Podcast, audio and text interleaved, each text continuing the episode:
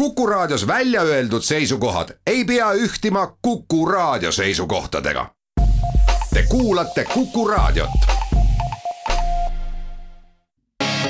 kahevahel. kahevahel tere päevast, kell on kohe kaheksa minutit kaks läbi, on alanud saade Kahevahel, mis tähendab seda, et stuudios on kohad sisse võtnud kaks ajalik, ajakirjanikku ja meie külaline. meie külaliseks on täna siseminister Kristian Jaani, tere. tervist. mina olen ajakirjanik Vallo Kelmsaar ja. mina olen ajakirjanik Ainar Ruussaar. härra Jaani, kas otsus astuda Keskerakonda on tehtud? otsus on tehtud, aga on veel nii-öelda siis realiseerimata. see ei ole ju keeruline. ei ole muidugi. ainult vormistamise küsimus. just täpselt. millal vormistate? on lähiajal kandideerite ka sügisel kohalikel valimistel? Ma arvan küll, et äh, selline kogemus väga tihti ei tule, et tuleb see kogemus kindlasti nagu ära kasutada. ja kus te kandideerite? ma arvan, et ikka oma kodukohas. kus? Saue vald. Saue vald saab ühe tugeva volikogu liikme loodetavasti siis juurde, see ministritööd ilmselt segama ei hakka ma arvan, et ei hakka, kuigi jällegi, ega mul kogemust ei ole, ma olen ju õppija ja arenen siin äh, iga päev, nii et äh,. loodan, et ei hakka ja loomulikult, ega minu kodukant on mulle väga oluline, nii et äh, hea meelega räägin kaasa eks me nendest kogemustest, mis on ministriametis saadud, saame ka rääkida, aga viimastel nädalatel, viimastel päevadel tundub küll, et Eesti Vabariigi kõige olulisem kaitse ja siseturvalisuse küsimus on seotud orkestritega. kui palju see teile lisatööd on toonud? Noh lisatööd ja mul on sihuke tunne, et, et noh, kas üldse nagu saabki seda nimetada nagu äh, lisatööks, et minu arust see kakskümmend neli seitse on kogu aeg nagu sihukene töötamine käib, et ei saagi öelda, et midagi lisatöö, vaid selline ongi see kõige tavalisem äh, tööpäev võib-olla, aga loomulikult ega äh, olulistest asjadest äh, tulebki rääkida ja olulised asjad on kindlasti ka nii kaitseväe orkester kui ka Politsei- ja Piirivalveameti orkester. räägime olulistest asjadest, mis on veel lisaks orkestritele väga tähtsad kärpimine on väga päevakajaline teema ja ilmselt veel pärast päris pikka aega, aga minu jaoks on need sõnumid segased. Kui puudutada ka sisejulgeoleku valdkonda ja teie ministeeriumile alluvaid ameteid, siis palgafondi lisandub seitse miljonit eurot. tühine summa, aga midagi ikka, aga samas tuleb teil kärpida ligi kaksteist miljonit eurot. et mida see siis tähendab? see tähendab seda, et matemaatiliselt on saldo negatiivne seda küll, kaksteist miinus seitse on. täpselt. Ja noh, nii ta on, tegelikult kui me räägime sellest äh, palgafondi äh, tõusu suurusest või sellest summast, see seitse miljonit, et äh, kui seda nüüd võtta sellisel viisil, et et ähm, seitse miljonit ja kui me vaatame eelnevate aastate nagu selliseid keskmiseid, on ju. siis justkui võib olla tegelikult nagu rahulolu tunda, on ju, positiivset, sest äh, selline keskmine palgafondi juurdekasv on olnud kuskil niisugune viis koma kaks äh, miljonit aastat, välja arvatud kaks tuhat üheksateist, kui äh, hea kolleeg minister Anvelt suutis tuua kakskümmend kolm miljonit siseturvalisuse eelarvesse juurde. aga tõepoolest on ka kokkuhoiu eesmärk seal kõrval samas on äh, väga konkreetselt äh, paika pandud meie poolt ikkagi see, et see seitse miljonit ei saa olla kuidagi nii-öelda selle kokkuhoiu poole nagu äh, vähendamine. vaid see on see, mis peab minema inimeste palkadesse e, kõige räägime siis eesliinile töötavate inimeste väärtustamist, aga tõepoolest paralleelselt tuleb otsida ka kokkuhoiukohti. ja eks kokkuhoiukohti saab otsida kindlasti erinevate suundade pealt, olgu need investeeringud, majandusrahad. aga kui me räägime tõesti, et me otsime täna kokku kokkuhoiukohtasid tegevuskulude sees, siis tegevuskulude alla tõepoolest käivad ka mm, personali eelarve numbrid personali koha pealt on öeldud, et justkui inimesed ei tohiks kannatada, ehk siis seda võib tõlgendada ka niimoodi, et koondamine riigiametitest peaks olema välistatud. samas räägitakse riigiaparaadi ümberstruktureerimisest, korrastamisest ja see nagu on natukene vastuolus noh, mina tahaks alustada võib-olla üldse sellest, et kui me räägime siseturvalisuse valdkonnast, siis äh, siis ma julgen küll öelda seda, et ka stardipositsioonid on pisut erinevad, kui me räägime nagu avalikust sektorist või nii-öelda siis riigiaparatuuri kuidagi optimeerimisest, et. kui me räägime siseturvalisuse, ütleme sellisest viimasest kümnest aastast, siis äh, inimeste vähenemine, tuhat seitsesada inimest vähem, pisut rohkem kui kümne aastaga siseturvalisuse valdkonnas, kaheksateist protsenti ehk siis tegelikult noh, iga-aastaselt tehakse seal mm, siseturvalisuse valdkonnas, olgu ta pääste poole peal, politsei poole peal, häirekeskuse poole peal. otsuseid, et leida ka nii-öelda sisemisi ressursse ja nii-öelda need sisemised ressursid tegelikult siis eelkõige alati on muidugi eesmärk see, et nii-öelda parandada mingisuguseid teenuseid, aga tõsta ka inimeste palkasid nii-öelda sisemiste optimeerimiste arvelt. kasvõi näiteks, ma toon näite siia kõrvale häirekeskus, häirekeskus, kes on äh, viimase nelja aasta jooksul noh, näiteks vähendanud enda administratsiooni hulka kolmekümne protsendi hulga ja sealt vabanenud eelarve näiteks suunanud siis äh, päästekorraldajate äh, palkadesse. noh, need on need inimesed, kes siis võtavad vastu hädaabikõnesid, kui inimene on hädas, helistab üks, üks kahele. või Politsei- ja Piirivalveameti poole pealt, kus viimastel aastatel circa viis miljonit nii-öelda sisemiselt raha kokku hoitud, äh, sellepärast et lisaks sellele, mis on siis riigieelarve poolt tulnud näiteks palgafondi sisemiselt ka juurde anda, et inimeste palkasid veel rohkem tõsta, kui võimaldaks siis see osa, mis äh, on lisandunud riigi, riigieelarvest. ja minu enda jaoks, noh, mina olen ka elanud sellise põhimõtte järgi, et, et alati tuleb ise teha ära selline pool rehkendust, küll siis tuleb ka mujalt juurde. räägite väga veenvalt palkadest, aga alles eile saatis Politsei- ja Päästjate Ametiühing äh, välja pressiteate ajakirjanikele, kus ta ikka muretseb palkade pärast, kas te siis ei ole neid suutnud ära veenda, et palgatõus tuleb? ega mina ka muretsen, et loomulikult, ega eesliinitöötajate palganumber võiks olla igal juhul suurem, et äh, see ideaalmaastik ja, ja ideaalkavand oli ju see ja on jätkuvalt see, et kahekümne viiendaks aastaks peaks äh, eesliini äh, nii-öelda see miinimumpalk olema üks koma kaks Eesti keskmisest. mis tähendab seda, et inimene, kes siseneb siseturvalisuse organisatsiooni, olgu ta päästja, olgu ta häirekeskuses päästekorraldaja või politseinik patrullis, peaks miinimumini kätte saama kaks tuhat kakskümmend neli eurot noh, päris nii hästi hetkel ei läinud, aga kindlasti ei loobu võitlemast ja täiesti mõistan ja olen ühes paadis ka nii Päästeala Ametiühinguga kui ka Politsei Ametiühinguga. Nad, nad räägivad õigest asjast, et, et loomulikult tuleb leida vahendeid selleks, et eesliini töötajate palgad oleks suuremad. tänane päästja saab miinimumpalk päästjal on täna tuhat kuuskümmend kaheksa eurot, mis tähendab seda, et alla tuhande neto, eks ole mis tähendab seda, et suur osa töötab ka veel lisaks teisel ja kolmandal töökohal mis on jällegi tegelikult päris suur murekoht ja paneb tihtipeale mõtlema, kas meie päästjad tulevad äh, nii-öelda sellele põhitöökohale äh, reageerimaks inimestele appi suure autoga hoopis puhkama näiteks seesama päästjate näide, mis te tõite, hiljuti sai ka päästjatega räägitud ja nad tõid ka, et nende keskmine palk või mis keskmine, ütleme siis nende palk on praegu umbes kolmesaja euro võrra väiksem, kui on Eesti keskmine. aga samas, kui me võtame siseturvalisuse valdkonna, siis päästjate palk ei ole sugugi mitte kõige viletsam, seesama häirekeskus on veel allpool vähemalt niimoodi olen ma statistika andmetest vaadanud, statistika alati võib-olla ei näita kõike õigesti. riigieelarve strateegias, mis nüüd on heaks kiidetud aastani kaks tuhat kakskümmend viis, on märgitud, et siseturvalisuse töötajatele tagatakse motiveeriv ja õiglane töötasu, mis see motiveeriv on? noh, hetkel on palgafondi suurus äh, seitse miljonit see, mida meie pidasime algselt nii-öelda ideaalis motiveerivaks, äh, oleks tähendanud seda, et kahekümne teisel aastal oleks äh, näiteks päästjate palk tõusnud juba kaheksateist protsenti, politseinike palk eesliinile üksteist protsenti aga jällegi tõepoolest, et äh, riigieelarve ei ole ka kõige paremas seisus ja oleme valitsuses äh, tõesti ka solidaarselt ju otsustanud, et me otsime neid äh, kokkuhoiukohti. ja mina kui üks valitsuse liikmetest loomulikult pingutan täpselt samamoodi, et siseturvalisuse valdkonnast seda eesmärki täita, et see on meeskonnatöö ja, ja pingutama peab kindlasti. teeme siin vaheaja ja jätkame mõne hetke pärast. kahevahel. kahevahel saade Kahe vahel jätkub, ajakirjanikud Vallo Kelmsaar ja Ainar Ruussaar ja meie vahel on siseminister Kristian Jaani.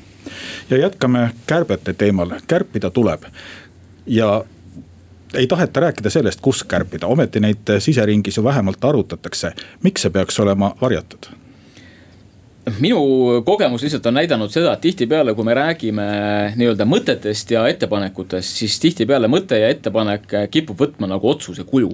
Ja tõepoolest, noh hetkel, kui me räägime mõtetest ja ettepanekutest ja, ja kõikide siseministeeriumi asutuste juhid koos oma meeskondadega, tõepoolest, ja need meeskonnad ei ole ju äh, väiksed, eks ole, arutatakse neid mõttekohti ja, ja. ja, ja need mõttekohad ja ettepanekud äh, tuuakse ministeeriumisse, kus me siis ministeeriumis kõik koos vaatame sinna otsa ja mõtleme, et, et, et kus siis oleks nagu mõistlik tõepoolest neid äh, kokkuhoiukohti leida ja hakata sealt tegema otsuseid.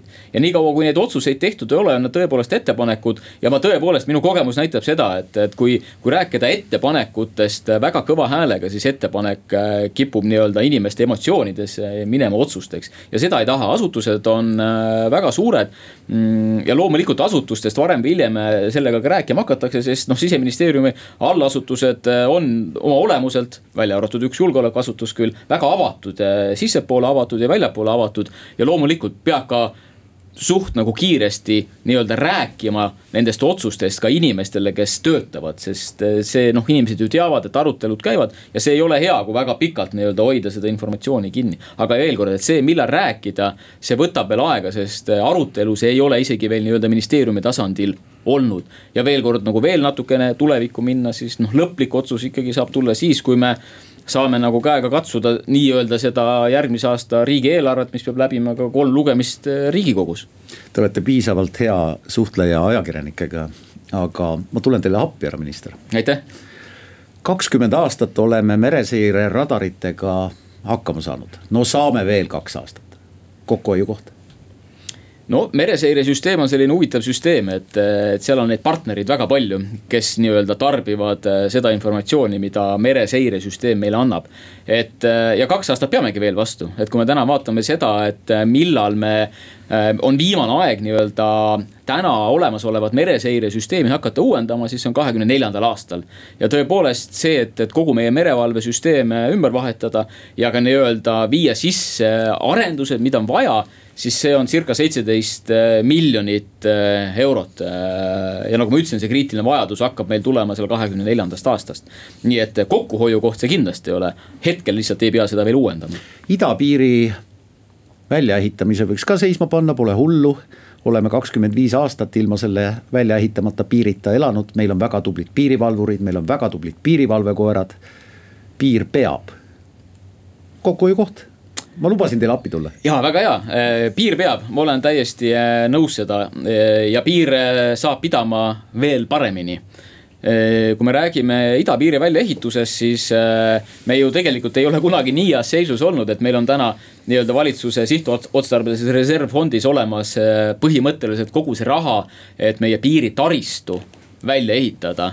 ja see piiritaristu äh, hetkeline see eelarve, mis selleks oli eraldatud, oli seal üle kaheksakümne äh, miljoni euro äh, käibemaksuga koos ja täna me oleme seal kagupiirkonnas piirilõiku ehitamas circa kahtekümmet kilomeetrit ja, ja, ja väga ilusti ehitamas ja ma olen enam kui kindel, et sellest on tulemas Euroopa üks kõige moodsamaid äh, välispiiri, mida tullakse vaatama ja kust hakatakse eeskuju võtma. loomulikult peab alati ka inimene olema ja loomulikult äh, järgmine, mis peab taristule kaasa tulema või nii-öelda paralleelselt käima, on kogu see tehniline võimekus. ehk siis ka maismaapiiri äh, seirevõimekus veel üks võimalik kokkuhoiukoht, eelmises riigi eelarvestrateegias oli eraldi mainitud, et kavas on tööle rakendada politsei ja piirivalve kriisireserv kriisireserv on väga oluline, kui me vaatame jällegi äh, pikas vaates ja vaatame seda, millised on ootused äh, siseturvalisuse valdkonnale.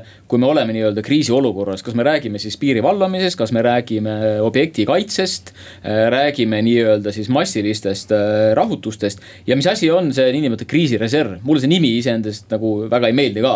et kriisireserv on ju see mis tähendab tegelikult suuremat hulka vabatahtlikke. ta tähendab eh, suuremat hulka abipolitseinikke, kes tulevad eh, vabast tahtest ja põhimõtteliselt ilma tasuta riigile appi aga kulud on seal ikkagi, sest vabatahtlik peab olema motiveeritud kasvõi läbi selle, et ta saab väga hea väljaõppe. ta saab varustuse, ta saab vormi, ta saab õppustel käima ja ta peab olema ka inimene, kes nii-öelda hoiab tema kätt nii-öelda, eks ole. see politseiametnik, see politsei ja piirivalveameti poole pealt. nii et eh, kõik see nõuab kindlasti raha ja see on lihtsalt nii-öelda pikem vaade kuidas tagada seda, et kui Eesti riik ja ma loodan, et see mitte kunagi nii ei juhtu on nagu tõesti hädas ja nii-öelda kriisis, siis nende ülesannetega, mis täna on siseturvalisusele ette nähtud, nii-öelda palgaline koosseis mitte kuidagi hakkama ei saa, siin on vaja vabatahtlikke. nii et mõned ettepanekud oleme me nüüd teinud, aga paistab, need ei ole kõige paremad, millised on siis teie ettepanekud, natuke me ikka tahaks teada midagi. noh, kui me räägime investeeringutest, siis me oleme tegelikult täna juba osad otsused teinud Äh, kasvõi see, et äh, siseministeerium ei hakka ehitama endale uut maja lennusadama juurde. vaid me võtame ikkagi pigem suuna, et äh, siseministeerium kolib nii-öelda ühendministeeriumi nii-öelda sinna kaksiktornidesse see vajab küll ümberehitusi natukene ja jällegi iga sihukene uus samm vajab ka investeeringut. ja nendeks investeeringuteks on iseenesest raha eraldatud hetkel seal kuskil poolteist miljonit mm,. aga see kokkuhoid on nagu tükimat suurem arvestades seda, et äh, täna iga-aastane selline üürikulu on sinna poole miljoni kanti näiteks, äh, olles äh, Pikal tänaval. rääkimata sellest, et kui sellest majast loobuda, siis saab riigi kinnisvara aktsiaselts selle kindlasti realiseerida ja ma arvan küll, et päris korraliku sellise ühekordse sissetuleku selle pinnalt.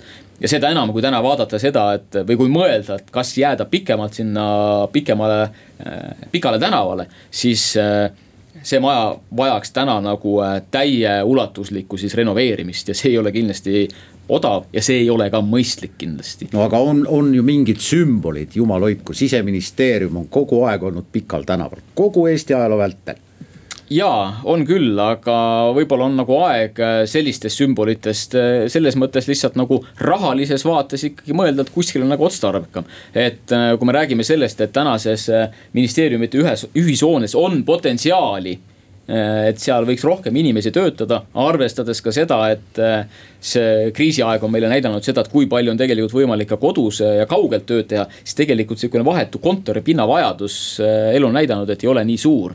nii et see siseministeeriumi Pika tänava maja, ma ütlen teile nii, et see ei ole töötamise poole pealt väga inimväärne ühendamine jah, ühend, ühendministeeriumi hoonesse minek on osa ühendamisest, aga ääri-veeri on räägitud ka sellest, et äh, kaitsevägi ja siseturvalisus võiksid mingis osas seljad kokku panna, ühineda, ühenduda.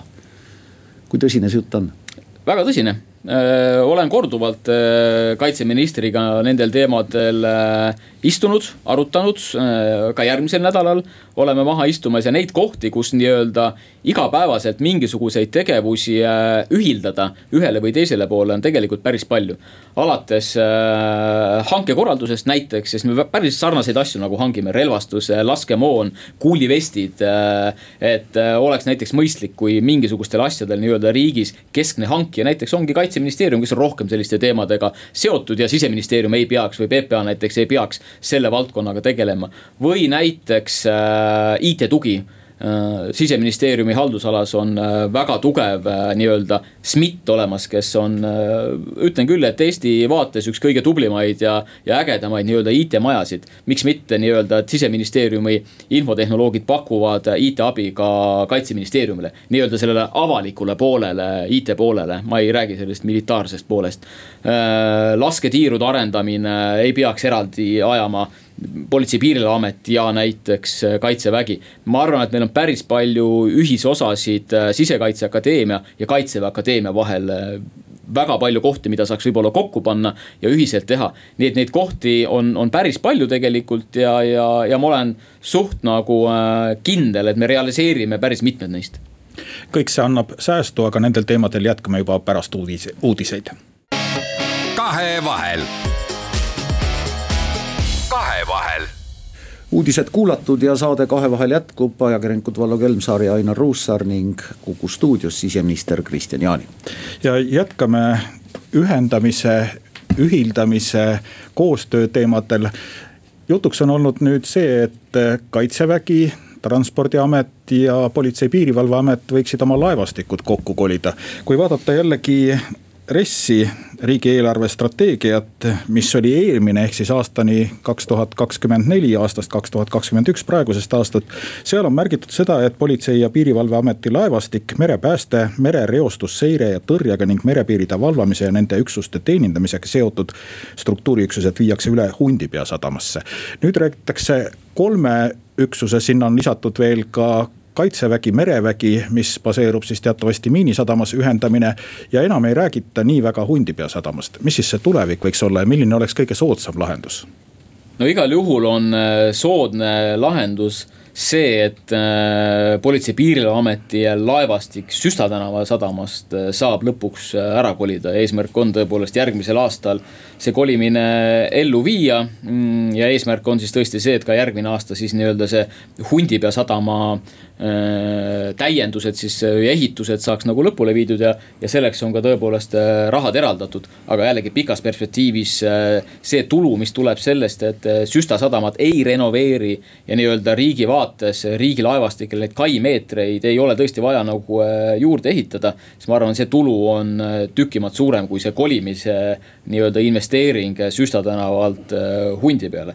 Nii et äh, Politsei- ja Piirivalveameti laevastik äh, igal juhul järgmisel aastal on plaan, et ta kolib Süsta äh, tänava sadamast Hundipea sadamasse on olnud ka laevastiku uuendamise plaan Politsei- ja Piirivalveametil ja uue laeva, ma ei tea, kas nüüd joonised, aga plaanid vähemalt on ammu juba valmis. kas nüüd nende rahade arvelt, mis siis sääst tuleb, võimalik sääst sadamate ühildamisest, saab uue laeva lõpuks ka töösse anda?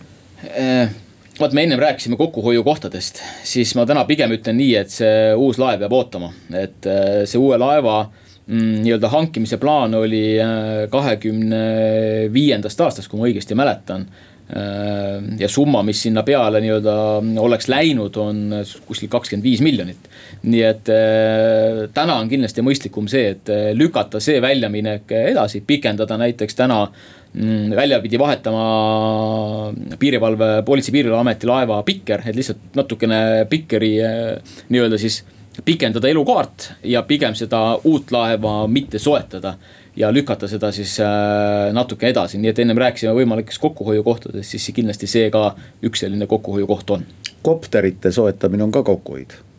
Kopteritega on hetkel nii, et Politsei- ja Piirivalveametil on äh, kolm kopterit äh, täiesti olemas, äh, lendamas, väga heas valmisolekus igapäevaselt ja tõepoolest on siis hetkel ka nii-öelda Euroopast taotlemisele täiendavad nii-öelda siis multifunktsionaalsed kopterid, mida siis käitleks Politsei- ja Piirivalveamet. ehk siis nii-öelda tervikvaates seda võimekust, mis täna on hea, aga teha veelgi paremaks Äh, riigi tervikvaates, sealhulgas siis tõepoolest nüüd meditsiinilendude poolt. aga veel kord, et äh, hetkel siin nagu lõplikke otsuseid ei ole, sest äh, vastavad tabelid Euroopa Komisjoniga alles nagu suhtlus sellel teemal käib, nii et see osa võtab kindlasti aega veel. minister Jaani, küsin üle, kas praegu on Eestil võimekus, et teie kolm kopterit suudavad teenindada kakskümmend neli, seitse, kolmsada kuuskümmend viis päeva aastas?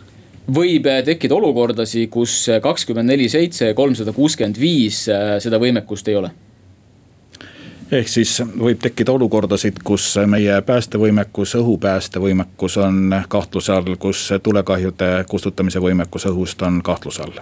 ja täna seda, see risk on olemas, tõepoolest nii et see on üks koht, mille peale tasub kindlasti mõelda ja võib-olla isegi kiiremini kui mõne teise asja peale. aga läheme edasi siit teemadega reostus reostustõrje.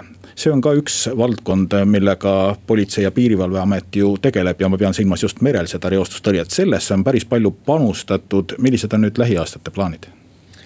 no pikk strateegia näeb ette seda, et see merereostuse võimekus tõepoolest kasvama peaks et äh, täna ju Helcomi nõuded äh, on äh, päris suured, et kui kiiresti peab kohale jõudma mingisugune konkreetne ala nii-öelda merereostuse mõttes ära piirata.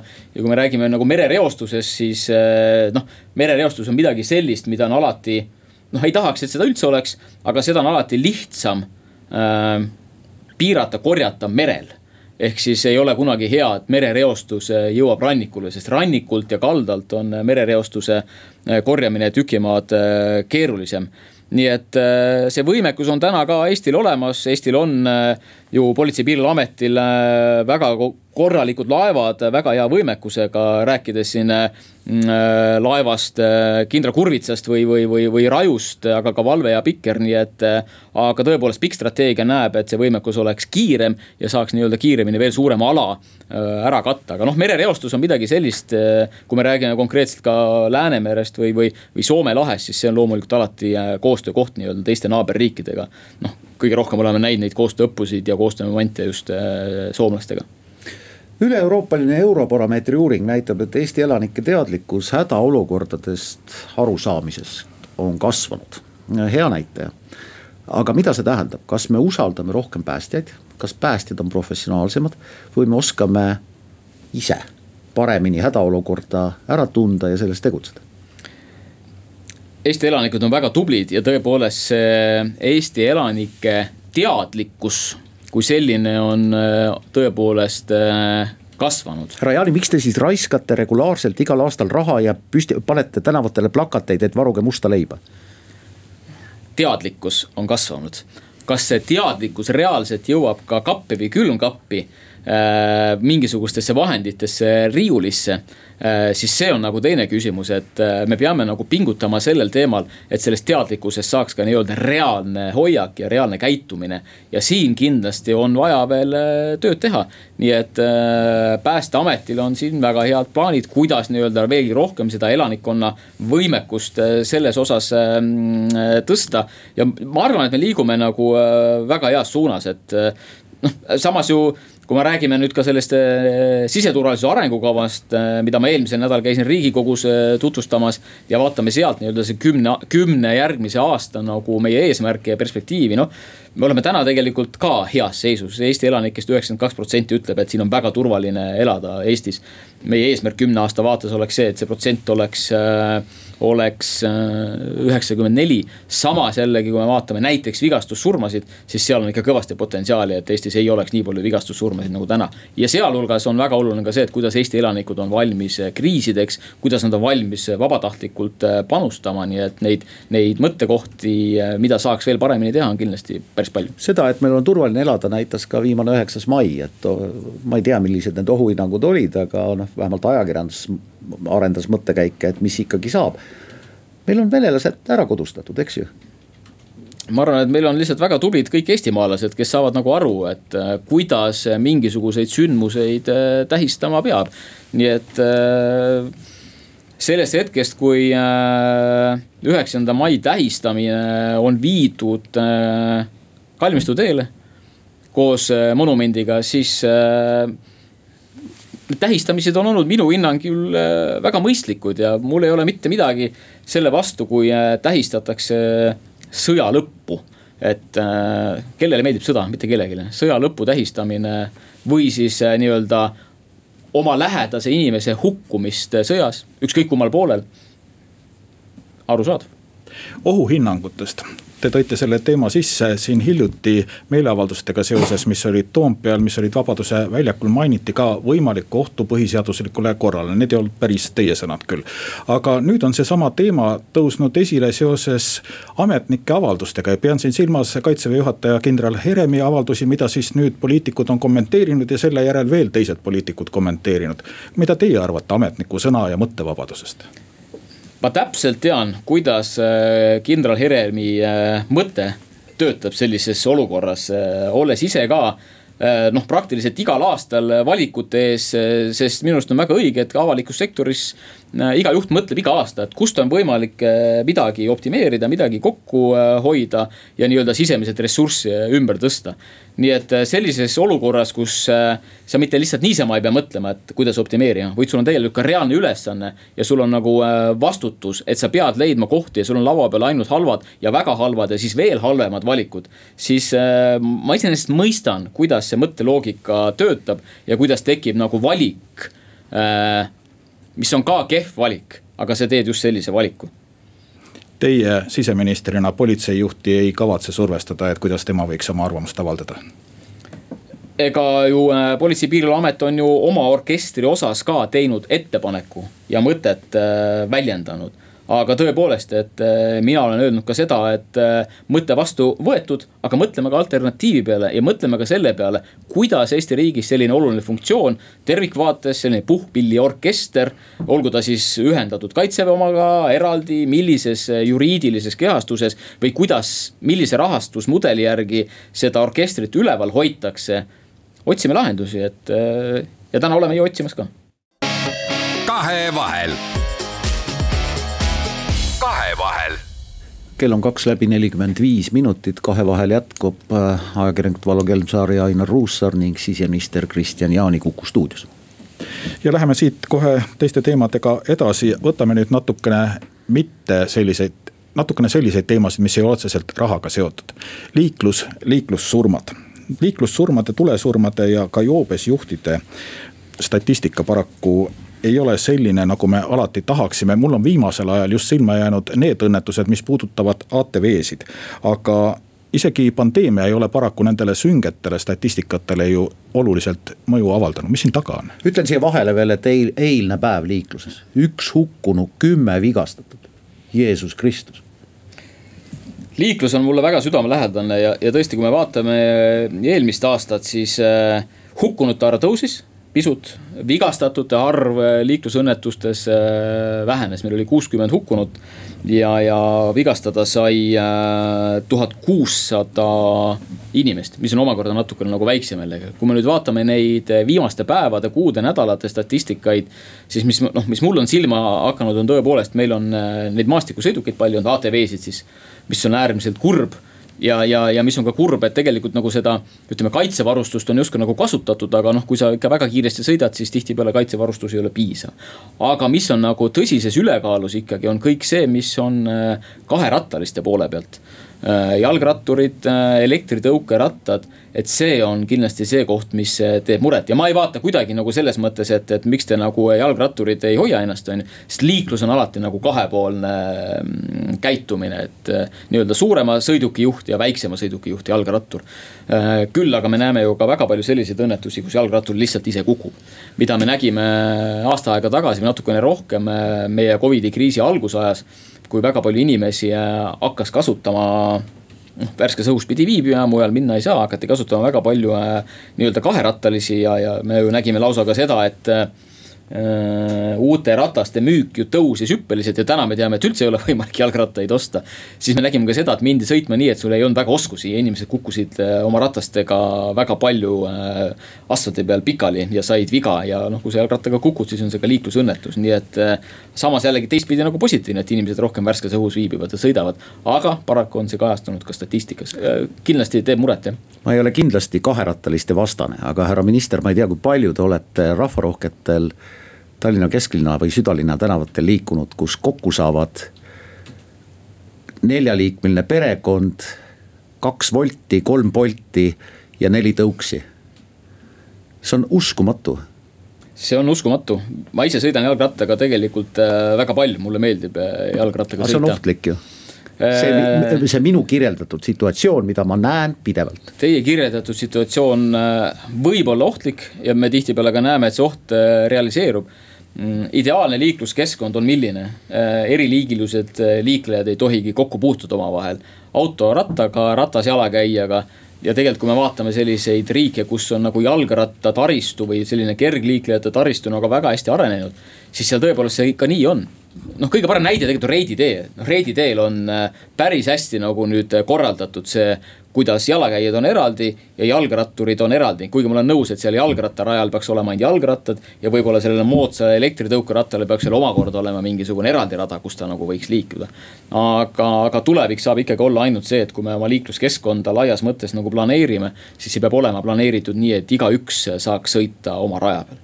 Teie poolt kirjeldatud Reidi tee on tõepoolest minu meelest üks ohutuse hea näide Tallinnas küsin teilt, härra minister, veel sellist asja, et pandeemia, liikluses oli näha, et autosid oli tänavatel vähem.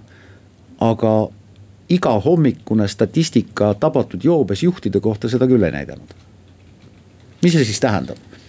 autosid oli vähem, aga purjus juute oli sama palju ja õnnetusi oli ka sama palju ja raskeid õnnetusi kusjuures ka too aeg veel politseis olles me omavahel ka ja, ja ekspertidega, spetsialistidega arutasime seda. ja üks põhjus, mis me leidsime, oli see, et, et kuigi, et liiklust oligi vähem. ja mis ja millise efekti tekitas see, et liiklust oli vähem, see tekitas sellise efekti, et need inimesed, kes liiklesid, nendel tekkis selline hull julgus, teed olid tühjad ja kui sul on tee tühi, siis see paneb rohkem äh, vajutama gaasi või siis näiteks ka võib-olla tarbima enne seda pisut nagu alkoholi ja mitte mõtestama, et äh, niimoodi ei tohi rooli minna. aga noh, liiklejaid ei ole, ma olen üksinda. ja sellist efekti äh, kahjuks oli tõesti näha, eelkõige selle poole pealt, et äh, hakati rohkem vajutama gaasi. ja see nagu see tunnetus ja see tagasiside oli lihtsalt see, et noh, teed on ju tühjad, kedagi ei ole, vajutan ja sõidangi kiiremini aga siis teed õnnetuse ja ka tagajärg on hullem. milline mõju võis olla sellele, et reidid kõik puhuvad lõpetati ju mõneks ajaks? Noh, kindlasti oli, kindlasti oli, sest äh, kõik puhuvad reididel on kindlasti oma mõju olemas, küll pigem selline hetkeline.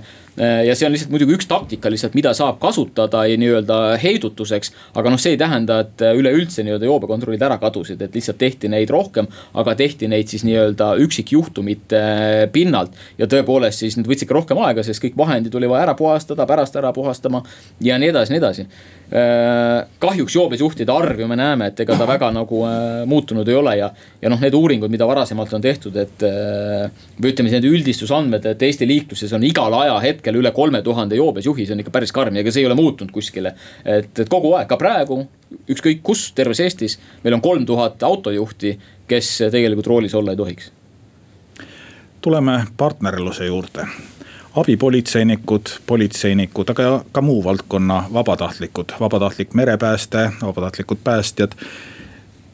Nende arv, kui me räägime nüüd konkreetselt abipolitseinikest, väidetavalt on viimastel aastatel vähenenud võrreldes selle tippajaga, mis oli siis pronksiööde järel. kuidas saada vabatahtlikke rohkem kaasatud? no täna meil, kui me räägime abipolitseinikest, siis abipolitseinikke tuhat kakssada, noh circa merepäästjaid seal neli poolsada, päästjaid kaks tuhat ükssada, ma räägin siis vabatahtlikest päästjatest ja korraks võtan ka ette selle strateegia, millest ma enne, mida ma puudutasin enne, siseturvalisuse arengukava.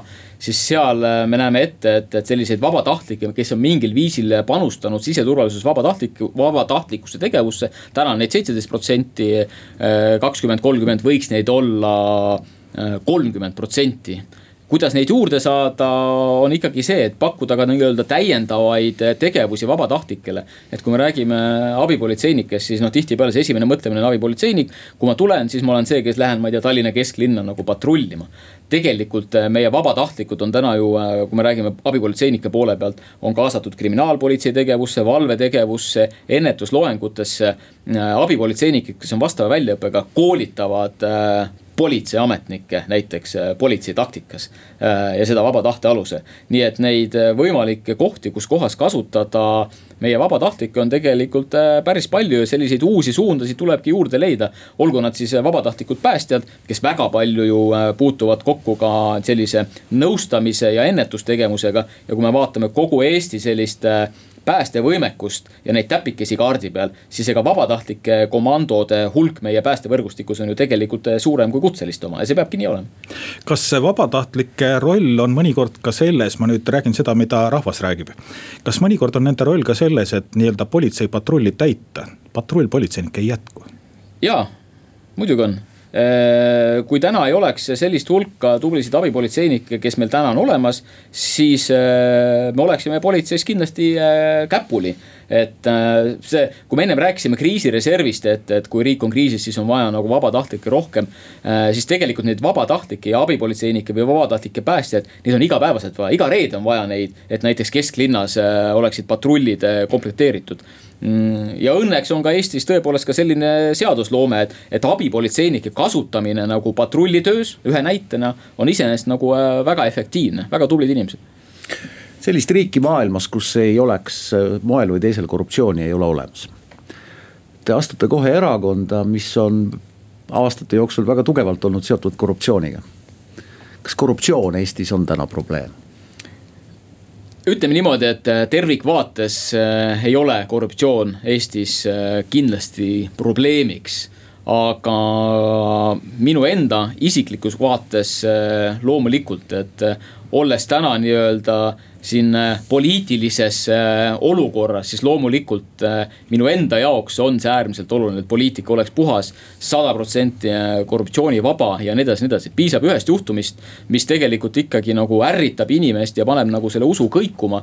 ja, ja, ja siin raames nagu ei ole mõtet nagu rääkida sellest, et noh, tervikvaates ütleme, see korruptsiooniindeks on nagu väga madal Eesti indeks. noh, see on, see on seesama olukord, kus piisab ühest äh, olukorrast, ühest kaasusest, mis nagu paneb selle usu võnkuma inimestes kas te ministrina julgete praegu kõigile raadiokuulajatele öelda, et politseinikule, kui sa oled kiiruseületaja või oled purjuspäe autoroolis, politseinikule ei ole mõtet altkäemaksu pakkuda? muidugi ei ole see on hea teadmine, selle teadmisega lõpetame ka tänase saate kahe vahel. stuudios olid ajakirjanikud Vallo Kelmsaar ja Ainar Ruussaar. meie külaliseks oli siseminister Kristian Jaani, aitäh tulemast, edu valimistel. aitäh teile kahevahel. kahevahel